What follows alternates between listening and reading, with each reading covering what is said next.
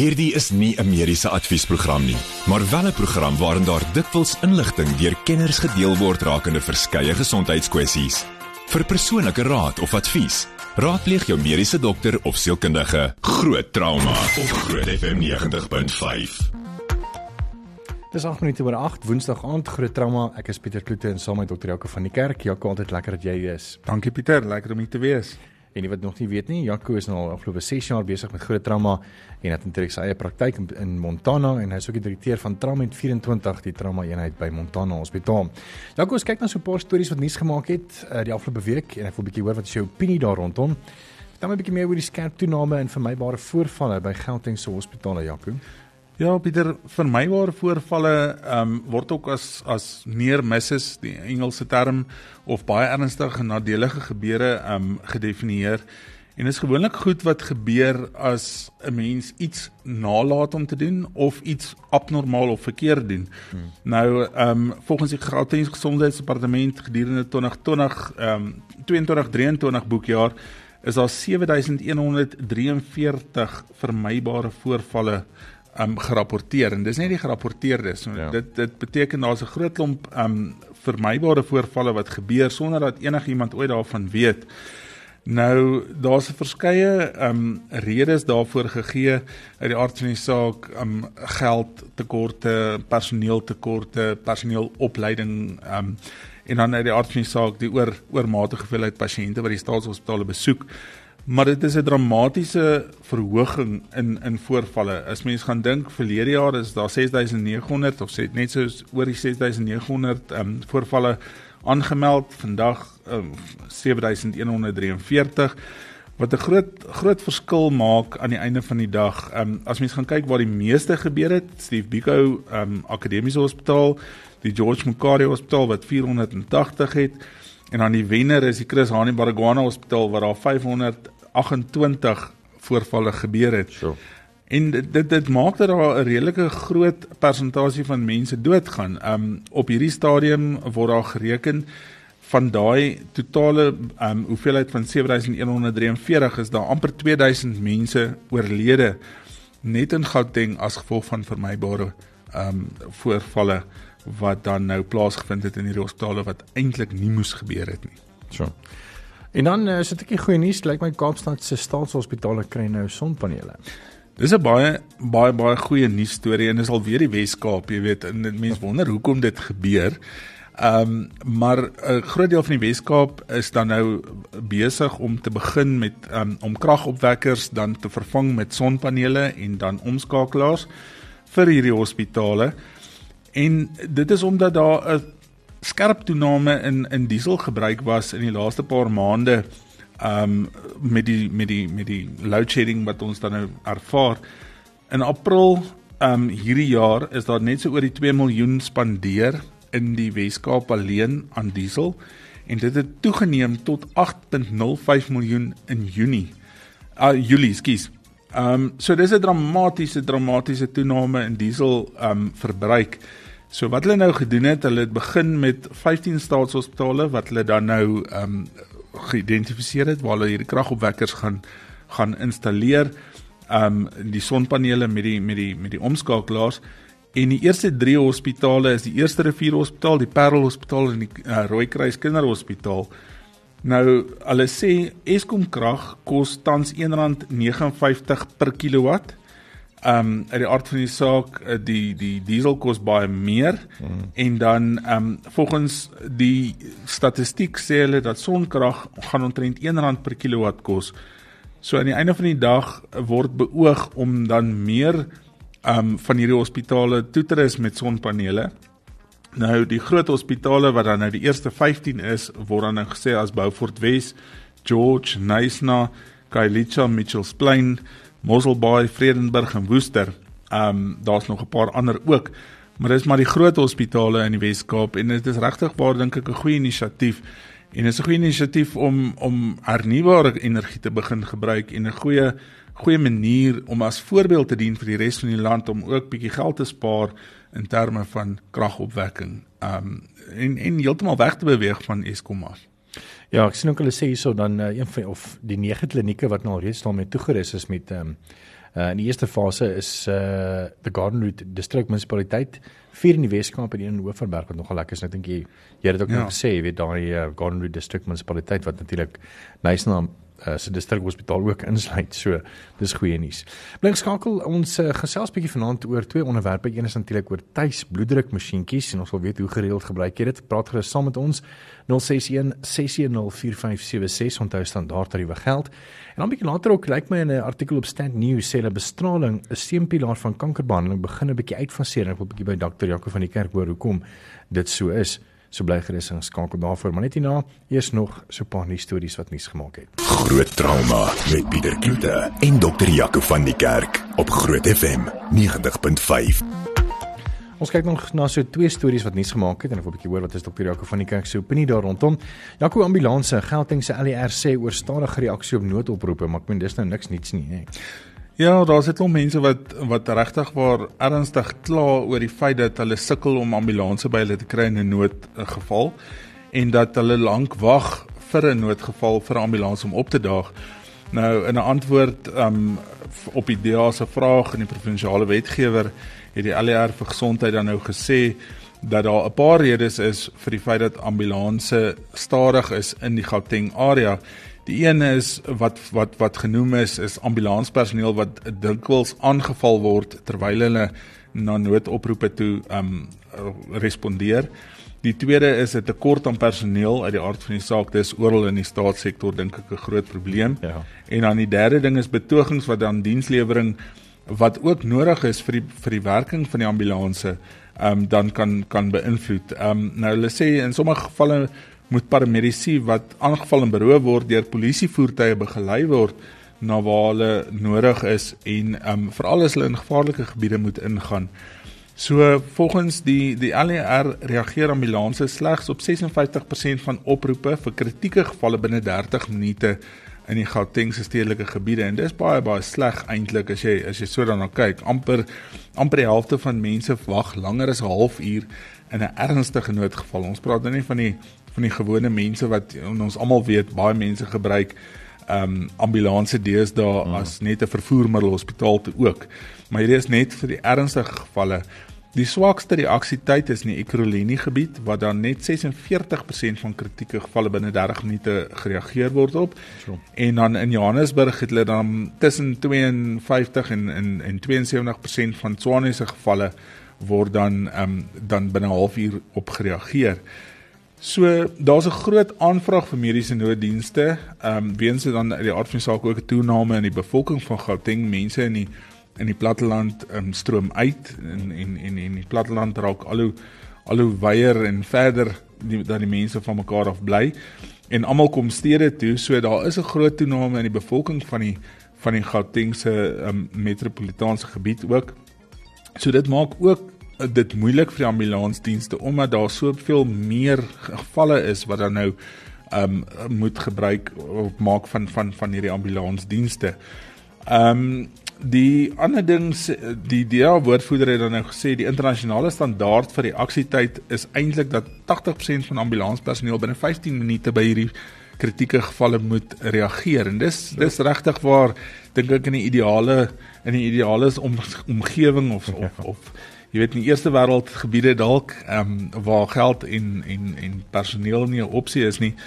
Maar dit is my hartseer dat een van die groot redes nog steeds is dat ambulanspersoneel aangeval hmm. word hmm. waar hulle dan nou ehm um, respondeer op op op kritieke noodgevalle.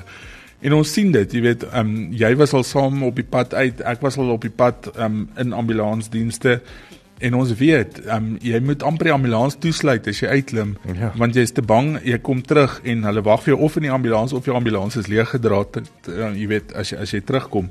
Ehm um, en dis dis regtig waar sleg. Ehm um, ek dink regtig waar dis deels dan ook die die die die omgewing en die populasie se skuld aan die einde van die dag en nie net die staat in hierdie opsig dat ehm um, die mense so lank wag vir hierdie dienste nie.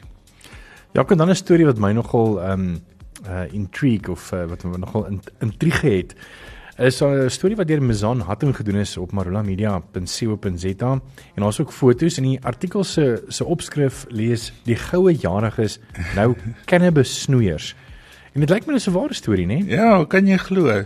So hulle sê 'n handjievol afgetredenes het vandag opnuut die werkers mag betree. Um, die keer om dan nou cannabis te snoei. Ehm um, so ses goue jariges of bejaardes het dan nou vandag begin met hulle eerste dag vir snoeiwerk by 'n farmaseutiese maatskappy in die in die area. En ehm um, dan een van die een van die persone 'n 63 jarige Magda Pieterse wat sê dit voel asof mens weer iets beteken vir die hmm. samelewing. Ehm um, as jy net so by die huis sit en dan kry mens dikwels die gevoel jy jy weet jy is nie meer regtig nodig nie, jy jy is nie deel van die van die samelewing meer nie, maar nou kan hulle weer 'n bydrae lewer en vir die farmaseutiese industrie 'n bydrae lewer.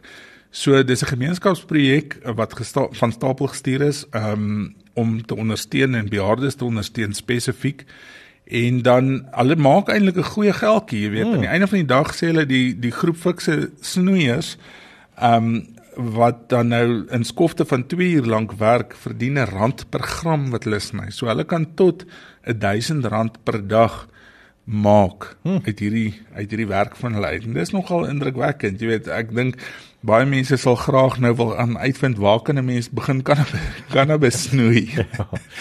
Maar ehm um, ek dink dit is 'n goeie nuus storie. Dis 'n dis 'n manier hmm. om om mense weer te laat voel hulle beteken iets vir die wêreld. En aan die einde van die dag dink ek, um, soos wat een van hierdie persone ook sê wat die snoeiwerk doen, dis vat nie veel meer energie en inspanning as om te brei of te hekel die hele ja. dag nie.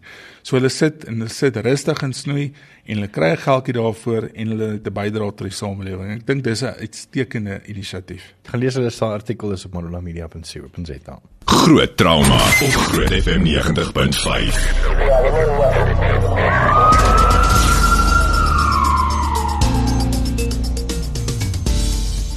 Hipertensie word wêreldwyd as die nommer 1 risikofaktor vir dood beskou en dit is geen wonder dat gerieflike relatief lae koste bloeddrukmasjiene ehm um, te koop is in elke winkel en gesondheidsprodukwinkel regoor Suid-Afrika nie. Maar hoe akkuraat is hierdie tuisbloeddrukmasjiene? Ja, kom ek sien 'n artikel op Stat News sê dat hierdie tuisbloeddrukmasjiene is dikwels baie keer verkeerd. Ehm um, jy het bietjie meer detail daaroor. Pieter ja, ek dink een van die van die groot krisisse en ek dink dit maak baie dokters en en interniste en kardioloë ehm um, baie baie moedeloos as iemand by hulle aankom met 'n A4 folio en lyste en lyste bloeddruklesings wat so wyd van mekaar af verskil en dan is dit jou bloeddruk 180 op 160 wat eintlik nie eens moontlik is nie en dan is dit 110 op 100 of jy weet dit dit, dit is regtig absurde waardes wat jy kry. Nou die groot probleem is um, en en en ek dink dit is maar 'n media ding ook aan die einde van die dag is um en Amerika het eintlik daarmee begin. Hulle het daai lese van Get It, Slip It en Cough It and Check It um kampanje vir vir bloeddruk um en bloeddruk monitering. Nou alhoewel bloeddruk een van die hoofoorsake van dood is en ons almal weet dit, beroertes en hartaanvalle en al hierdie goeie. Um is dit regtig waar belangrik om 'n ordentlike bloeddruklesing te kry as jy te veel jou bloeddruk gaan neem, gaan jy punt nommer 1 bloeddruk ontwikkel want jy gaan besef jy het nie 'n stabiele bloeddruk nie want die enigste mens wat 'n stabiele bloeddruk het is 'n dooie mens. Mm. Ons almal het 'n ritme waarop ons bloeddruk um, op en af gaan deur 'n 24 uur siklus wat die sirkadiaanse ritme genoem word. En um, baie keer terwyl ons slaap, gelukkig of ongelukkig, is ons bloeddruk baie keer die hoogste. Dis nie altyd dat dit um, die hoogste is as ons wakker is nie. Ehm um, die John Hopkins ehm um, Universiteit het, het dan nou 'n studie daar daar gestel wat eintlik 'n randomized control trial is wat in die JAMA of die Journal of American um, Medical Association se interne medisyne ehm um, tydskrif gepubliseer is waar dan nou gesê dat hierdie outomatiese bloeddrukmasjiene um, oorestimasie van sistoliese hoë bloeddruk um, wat dan nou die boonste een van die lyne is. So, Almal praat van 120 of op 'n 80 of 130 op 'n 80. Nou die sistoliese een is die boonste een, die een bo die lyn. Um so die bloeddruk monitors het dan 'n oorestimasie van tot 20 mm kook as die die die manset of die die bloeddruk kaf te, te of te klein is vir jou en dan um tot 4 mm kook andersom. So hulle sê ook in hierdie in hierdie studie dat omtrent 40% van persone as hoë bloeddruk leiers geklassifiseer is, maar eintlik misgediagnoseer is wat eintlik 'n baie slegte ding is. Mm want dit lei dan tot oormedikasie en oorgee van medikasie en en en en met geassosieerde ook neeweffekte aan die einde van die dag. As jy iemand ook behandel wat hoë bloeddruk nie het nie, as 'n hoë bloeddruk leier en jy het hipotensiewe episodes, dan gaan jy ook krisisse kry. So te te hoog is nie goed nie, maar te laag is ook nie goed nie. Het jy al ehm um, situasies gehad waarby pasiënte net toe kom sê hoor jy ek het my bloeddruk getoets dit was 180 oor oor 100 mm. hier's groot probleme en dan sit hulle daarson jy sit vir hulle die ding op met jou uh, ja? toestel en dan ja. is dit normaal dan sê maar ek kan nie vir dit is normaal jy sal dit nie glo nie mense kom 2 uur en 3 uur in die oggend ek weet nie wie daai tyd van die oggend hulle bloeddruk meet nie maar daar's in on, in 'n ongevalle situasie 2 3 uur in die oggend kom mense aan en sê hulle is bang hulle kry 'n beroerte en dit is dis omdat daar soveel inligting daar buite is oor beroertes en hartaanvalle en geassosieer met hipertensie of hoë bloeddruk. Um en dan as jy die regte kaf of die regte bloeddruk manset gebruik, dan ehm um, uit die aard van die saak is dit normaal. So meeste van die van die toestelle wat ons al buite kry wat in die apteek beskikbaar is of in die in die handel beskikbaar is, het net 'n enkel bloeddruk kaf. So hulle sê dis gevalidated masjiene, hmm. maar aan die einde van die dag kan jy nie sê jou masjiene is gevalideer of of of of akkuraat as jy nie verskillende bloeddruk kafs het nie. Die meeste van ons um het of 'n klein wat dan nou die die pediatriese kafs is, jou standaard een en dan jy medium, large, extra large. Um jy kan nie 'n bloeddrukmasjien of 'n bloeddrukkaf gebruik en aan die einde van die dag meeste van die goed wat oor die toonbank beskikbaar is is so hier van 32 cm af um op na na so 42 cm toe in lengte En ons almal kan dit nie gebruik nie. Jy moet dit in verhouding hê met die omtrek van jou arm ook. Um, as mens gaan die die die verskil gaan vat tussen 'n manuele bloeddrukmeting en 'n bloeddruk of 'n outomatiese bloeddrukmeting. Die manuele bloeddrukmeting gebruik jy dan nou die stetoskoop en die en die en die en die band wat jy dan opblaas en jy begin jou sistoliese bloeddruk, die een wat jy bo die lyn skryf, as jy die eerste keer jou klank hoor. Um en dit is baie keer laer as wat die outomatiese goed gebruik want hulle gebruik osillasie in beginsel met ander woorde hulle gebruik die die die getransmitteerde klanke en die die, die beweging om jou bloeddruk se sistool te te kry.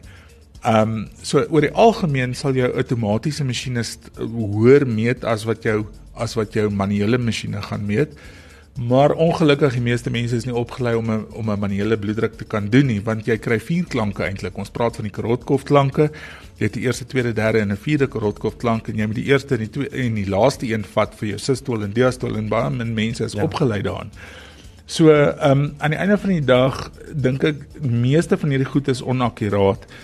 Maar daar's ook ander effekte wat wat 'n of 'n effek het op bloeddruk en dis goed soos Niemand dink jy moet 5 minute gaan stil sit voordat jy jou bloeddruk meet nie. Mm. Jy moet nie in die halfuur of uur voor die tyd alkohol gebruik of kafeïen inneem nie. Jy moet dit op dieselfde vlak as jou hart neem. Jy moet dit eintlik aan beide arms meet ten minste, want daar kan ook 'n verskil tussen links en regs wees afhangend van het jy dalk 'n kwartasie van die aorta of een of ander abnormaliteit. Ehm um, jy moet regtig waar al daai dinge in ag neem, ook stres, um hitte, aktiwiteit, um angstigheid, um mense praat van die van die white coat syndroom waar mense altyd 'n hoë bloeddruk het as hulle 'n dokter of 'n ding sien aan die einde van die dag. Um maar as hulle by die huis is, is dit normaal as jy hulle op hierdie 24 uur halter of bloeddrukmonitering sit en en hulle is by die huis en hulle is ontspanne, dan is dit normaal. En en dit is belangrik om ook nie mense te oordiagnoseer nie aan die einde van die dag. So ek dink daar's daar's 'n paar daar's 'n paar ehm um, lesse te leer uit vir die dokters is om letterlik seker te maak dat die bloeddrukmasjien wat jy gebruik die regte kaf het of ideaal gesproke moet 'n mens eintlik manueel die bloeddruk kan meet. Vir die pasiënte moet hulle ook hierdie inligting hê, maar as hulle sien hulle dokter doen dit verkeerd, of hulle die kaf is te groot of te klein, moet hulle die die die die moed hê om te sê, jy weet, is dit regtig reg soos wat jy dit doen? vir die man, uh, vir die vir die vir die ehm um, die manufacturers of die of die vervaardigers van hierdie van hierdie toestelle moet meer bloeddruk kafs beskikbaar stel saam met hierdie goed. Maar ongelukkig word dan dit die lae koste dan nou uit die uit die uit die vergelyking uitgehaal, nê. En ehm um, dit maak 'n groot groot krisis daar buite en ek dink aan die einde van die dag mens moet dit in konteks sien en nie net 'n enkel bloeddruk ook vat as jy's nou hoë bloeddruk leier al dan nie.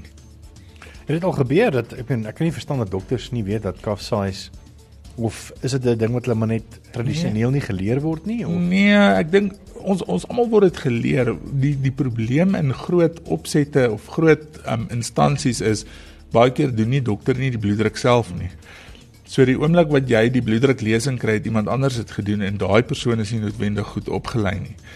En veral as dit besig gaan en jy met 40 of 50 mense 'n dag sien, dan gaan jy aan die einde van die dag nie almal se bloeddruk self neem nie. Hmm en jy gaan nie kan nie en aan die einde van die dag gaan jy gaan jy eintlik ander mense vertrou om 'n akkurate bloeddruklesing daar te stel.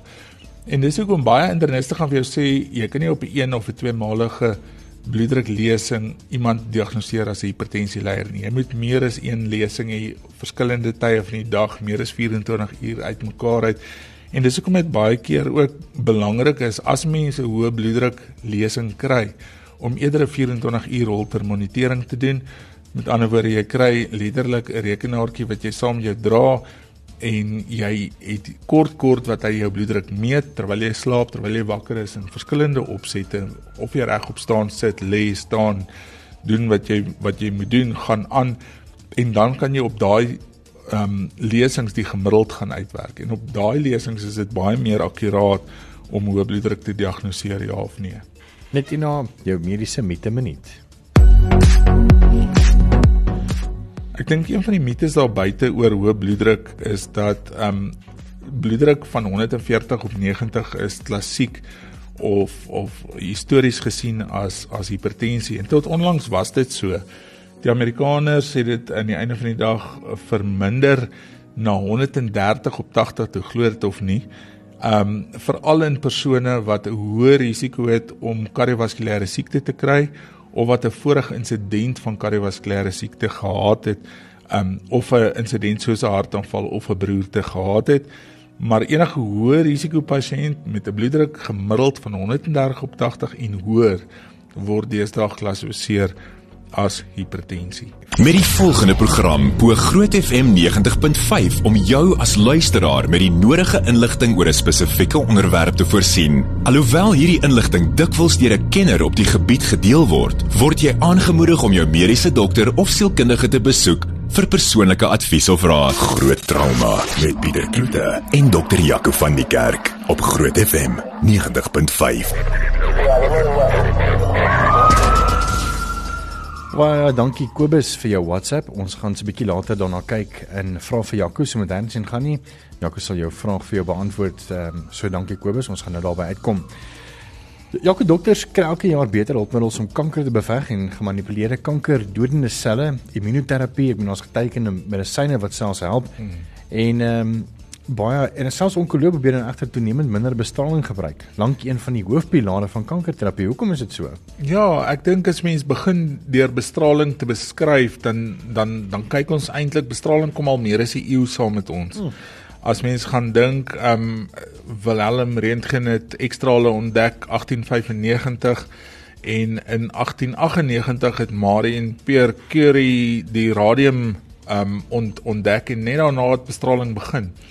So op 'n stadium het ons net gehad chirurgie en baie keer was dit radikale chirurgie, chemoterapie, maar baie van die chemoterapie het hulle aangelaat hou totdat die mense dit meer kan hanteer nie.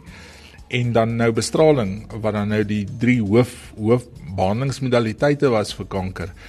Deesdae soos wat jy dan nou reg sê, daar's baie meer um, geen manipulasie en baie meer gesofistikeerde chemoterapeutiese middels wat dan nou gebruik word in kankerbehandeling. En aan die einde van die dag ook um die chirurgie wat dramaties verander het. As mens dink aan chirurgie, ons het baie beter chirurgiese tegnieke. om kanker te behandel. As jy vat 'n simpel voorbeeld soos borskanker. As jy jare terug borskanker gehad het, het jy 'n mastektomie gehad, 'n radikale mastektomie het ingesluit jou bors wat verwyder is jou borswand kaswandspiere van hulle is verwyder en ook jou limfnodes en en deesdae sien mens toenemend hoe mense borsbewarende chirurgie kry. En kankervry is na hulle chirurgie maar hulle het nog steeds hulle borste aan die einde van die dag dink ek die die die chemoterapie as mens gaan kyk na medisyne dink ek is chemoterapie middels die ding wat die meeste en vinnigste toegeneem het in ontwikkeling die laaste paar jaar. Daar's miljoene, daar miljoene dollars ingesit in in kankerbehandeling in terme van chemoterapie. En dan bestraling het 'n mindere rol begin speel met geen manipulasie ensovoorts ook. Die rede dink ek hoekom bestraling baie keer minder op die voorgrond is deesdae is omdat mense geassosieerde probleme en komplikasies kry. So alhoewel 'n mens gerigte en baie spesifieke bestraling kry, daar's nog steeds kankers wat baie beter reageer op bestraling as enigiets anders. So mense gaan nooit bestraling laat weggaan uit die uit die omgewing van van van onkologie nie. Maar ehm um, bestraling gaan altyd gepaard met geassosieerde weefselskade. So as jy byvoorbeeld 'n 'n darmkanaal of rektale kanker wil wil bestraal in die ou dae wat nie meer vandag noodwendig gebeur nie, dan het jy baie keer die omliggende strukture ook beseer en gebrand met die bestraling. Jy het byvoorbeeld vrouens wat dan dalk nog fertiel kon wees, het jy het jy ehm um, jy weet heeltemal um, infertiel gelaat of of jy weet hulle kon glad nie weer uh, swanger raak nie um blaase is beseer um omdat jy basies dan nou die blaas en die en die kleppe brand so mense het inkontinent geraak. Um mense wat in die ou dae bestraling gehad het en baie van die ouer persone wat dalk bestraling gehad het, sal vir jou sê die vel brand letterlik word kliphard, die weefsel, die spiere kry skade. Nou daai goeters is nie goed wat vandag meer regtig ge gebeur tot 'n groot mate nie omdat jy baie meer gerigte bestraling het maar dis tog nog steeds 'n risiko wat jy loop met bestraling.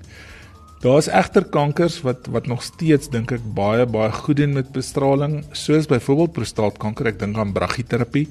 Brachyterapie is waar hulle dan nou klein dit lyk so saadjies van ehm um, radioaktiewe ehm um, metaal balletjies in die prostaat plant letterlik met rekenaar geas uh, uh, begeleiding en um, om te kyk waar dit die beste gaan wees en dan bestraal dit net lokaal daai prostaat en en die mense doen baie baie goed en ongelooflike resultate daarmee. Maar ek dink aan die einde van die dag bestraling is ook 'n diermiddel van van behandeling en dit die bestralingswerkers het ook 'n hoë risiko um, om oor tyd soos wat hulle dan aan bestraling blootgestel word soos Pierre Marie Curie is oorlede as gevolg van bestraling nadat hulle die rentgen ag die die die die radium ont, ontdek het want hulle het nie besef wat is die gevaar van die bestraling nie. Ehm um, so die die die die stralingswerkers het ook 'n risiko wat dan nou minder is as hulle dan nou minder bestraling gebruik. So dit nou is dit tyd vir vra vir Jaco en Kobus, dankie vir jou vraag. Ons gaan daarby. Kom as jy nog enige vrae het 061 6104576 onthou standaard tariewe geld. Groot trauma met Pieter Kloete en dokter Jaco van die Kerk op Groot FM 90.5.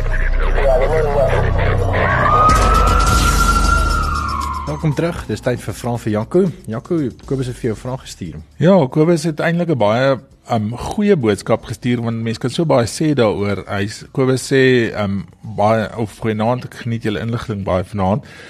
Hy is 'n probleem bloeddrukleier. Hy het ook so 'n masjien gebruik en 'n paar keer sy bloeddruk getoets. Hy het 'n paar maande terug 'n groot beroerte gehad, maar hy het gelukkig geen neeweffekte oorgehou nie. Um hy voel net nie homself die laaste ruk nie. Hy voel of sy persoonlikheid verander. Is dit moontlik? Is sy een vraag en dan die ander is hy begin duidelike depressie simptome wys. Nou die een ding is um 'n probleem bloeddruk is is ek dink 'n groot deel van Suid-Afrikaners se probleem want baie baie mense in Suid-Afrika en veral die die Afrika bevolkingsgroep het het het baie weerstandige bloeddruk. So met ander woorde, almal gaan nie met een of twee bloeddrukpille gekontroleer word nie. Baie keer is dit baie moeilik om bloeddruk te kontroleer en mense het kombinasieterapie nodig. Ons weet almal dat beroerte een van die hoofrisiko's is van iemand met hoë bloeddruk. Um boonbehalwe dit is daar oogabnormaliteite, ons praat van hipertensiewe retinopatie waar die oog in die oë en die visie agteruit gaan en dan die ander ding wat ons baie baie um bang voor is uit die aard van die saak is is nierversaking. So ons kry hipertensiewe nefropatie wat beteken eintlik maar skade van die niere as gevolg van hoë bloeddruk en dan aan die ander kant ook dan nou die kardiomegalie of die die die ehm um, jy weet kardiomyopatie wat beteken mens gaan in hartversaking kan ingaan éventueel nadat jy ehm um, langtermyn ongekontroleerde hipertensie het. Die feit dat hy 'n beroerte gehad het en en en dis belangrik wat hy dit sê hy het geen neeweffekte oorgaan nie, maar vir baie mense daar buite is neeweffekte goed soos so spraak, balans, krag in die kant wat wat wat wat jy aangetas was of jy kan loop of nie loop nie. Maar min mense dink aan daai klein kognitiewe abnormaliteite wat kom en as dit in die frontale lobe van die brein plaasvind, of die voorste gedeelte van die brein, dan gaan 'n mens se persoonlikheid verander. Maak nie saak wat jy wat jy dink of of voel nie en dit is nie binne jou beheer nie.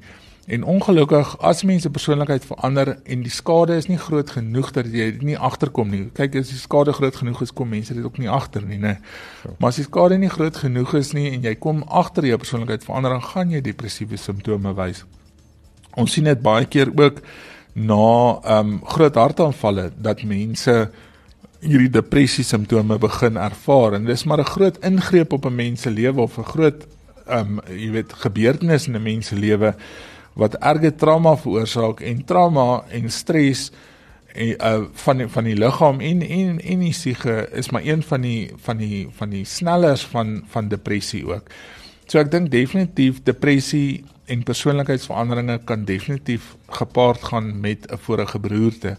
Mens moet ook net gaan onderskei tussen beroertes um, en en en daar's eintlik net twee hoofgroepe. Daar's 'n bloedingsberoerte of 'n hemorragiese beroerte waar dan nou een van die vate bars, sekondêr baie keer tot hoë bloeddruk en dan het mense bloeding en dit is die slegter een van die twee om te kry omdat mense baie keer 'n slegter uitkoms het en mense kan dit nie so maklik omkeer nie. Ehm um, en dan het mense ischemiese beroerte waar daar 'n stolsel vorm en hierdie stolsel gaan sit in een van die groot breinvate En die oomblik wat daai stolsel daar vas begin sit, dan kry die gedeelte distal of verder van daai bloedvat wat daai bloedvat moes voorsien nie suurstof nie en dadelik begin daar neurone of breinselle doodgaan. En dis baie keer waar hierdie hierdie um persoonlikheidsprobleme en depressiewe probleme vandaan kom, is daai neurone wat doodgaan. So jy kom tot 'n groot mate reg maar jy het nog steeds daai kleiner daai kleiner abnormaliteite wat wat begin. Um, die belangrike ding dink ek daar buite vir mense is net ook om te te weet die oomblik wat jy dink jy kry iets soos 'n beroerte, gaan dadelik hospitaal toe want as jy 'n ischemiese beroerte het, met ander woorde daai stolselberoerte en jy's binne 4 en 'n half ure gediagnoseer, jy het jou scan en meeste hospitale in Pretoria het hierdie verstandhouding tussen die ongevalle en die en die en die radiologiese uh, afdeling dat as jy inkom gaan jy dadelik vir jou CT scan is daar nie 'n bloeding is nie jy's ondersoek en dit lyk soos 'n beroerte gee jy die antistolterapie of die trombolise en 'n groot persentasie van daai mense keer om en herstel 100% maar as mense te lank wag 4 en 'n half ure en langer dan is dit baie debatteerbaar en dan is daai skade permanent en daai skade sal nooit weer herstel nie. Um dis so lekker en en ek het die voorreg al gehad om 'n paar mense te sien um heeltemal omkeer. Dit is so lekker om dit te sien en om om te dink 10, 15, 20 jaar terug um kon dit nie gebeur nie en daai mense is in rolstoele en en is dood baie keer. Um en en en definitief is dit 'n omkeerbare siekte. Dit is so beroertes kom nie net van hoë bloeddruk nie. Baie keer is die is die risiko's bloeddruk, familiegeskiedenis, cholesterol, diabetes, maar daai goed hardloop alles hand aan hand. En 'n mens moet daarna ook gaan kyk. Die oomblik wat 'n mens hoë bloeddruk het, moet 'n mens maar gaan kyk of daar nie dalk 'n cholesterol variant by is of daar nie 'n diabetes variant by is. As jy dan nou uit die aard van die saak iets soos rook bysit, dan maak jy die risiko net nog hoër. Maar aan die einde van die dag dink ek definitief ehm um, dis belangrik wat Kobus daar sê en 'n mens moet ook jou depressie en jou persoonlikheid wat dan nou vir jou voel jy's nie meer jouself nie, moet jy ook gaan behandel. Dis dit vir Frans Jaco en vir groot trauma. Hierdie potsending sal dit so teen Vrydag op ons webblad wees grootfm.co.za. Jaco, baie dankie. Dankie Pieter. Tot trokke van die kerk natuurlik van uh Trauma met 24 hier trauma eenheid by Montana en ook sy praktyk in Montana. Ons is volgende week weer terug. Groot trauma met Pieter Kloete en dokter Jaco van die kerk op Groot FM 90.5.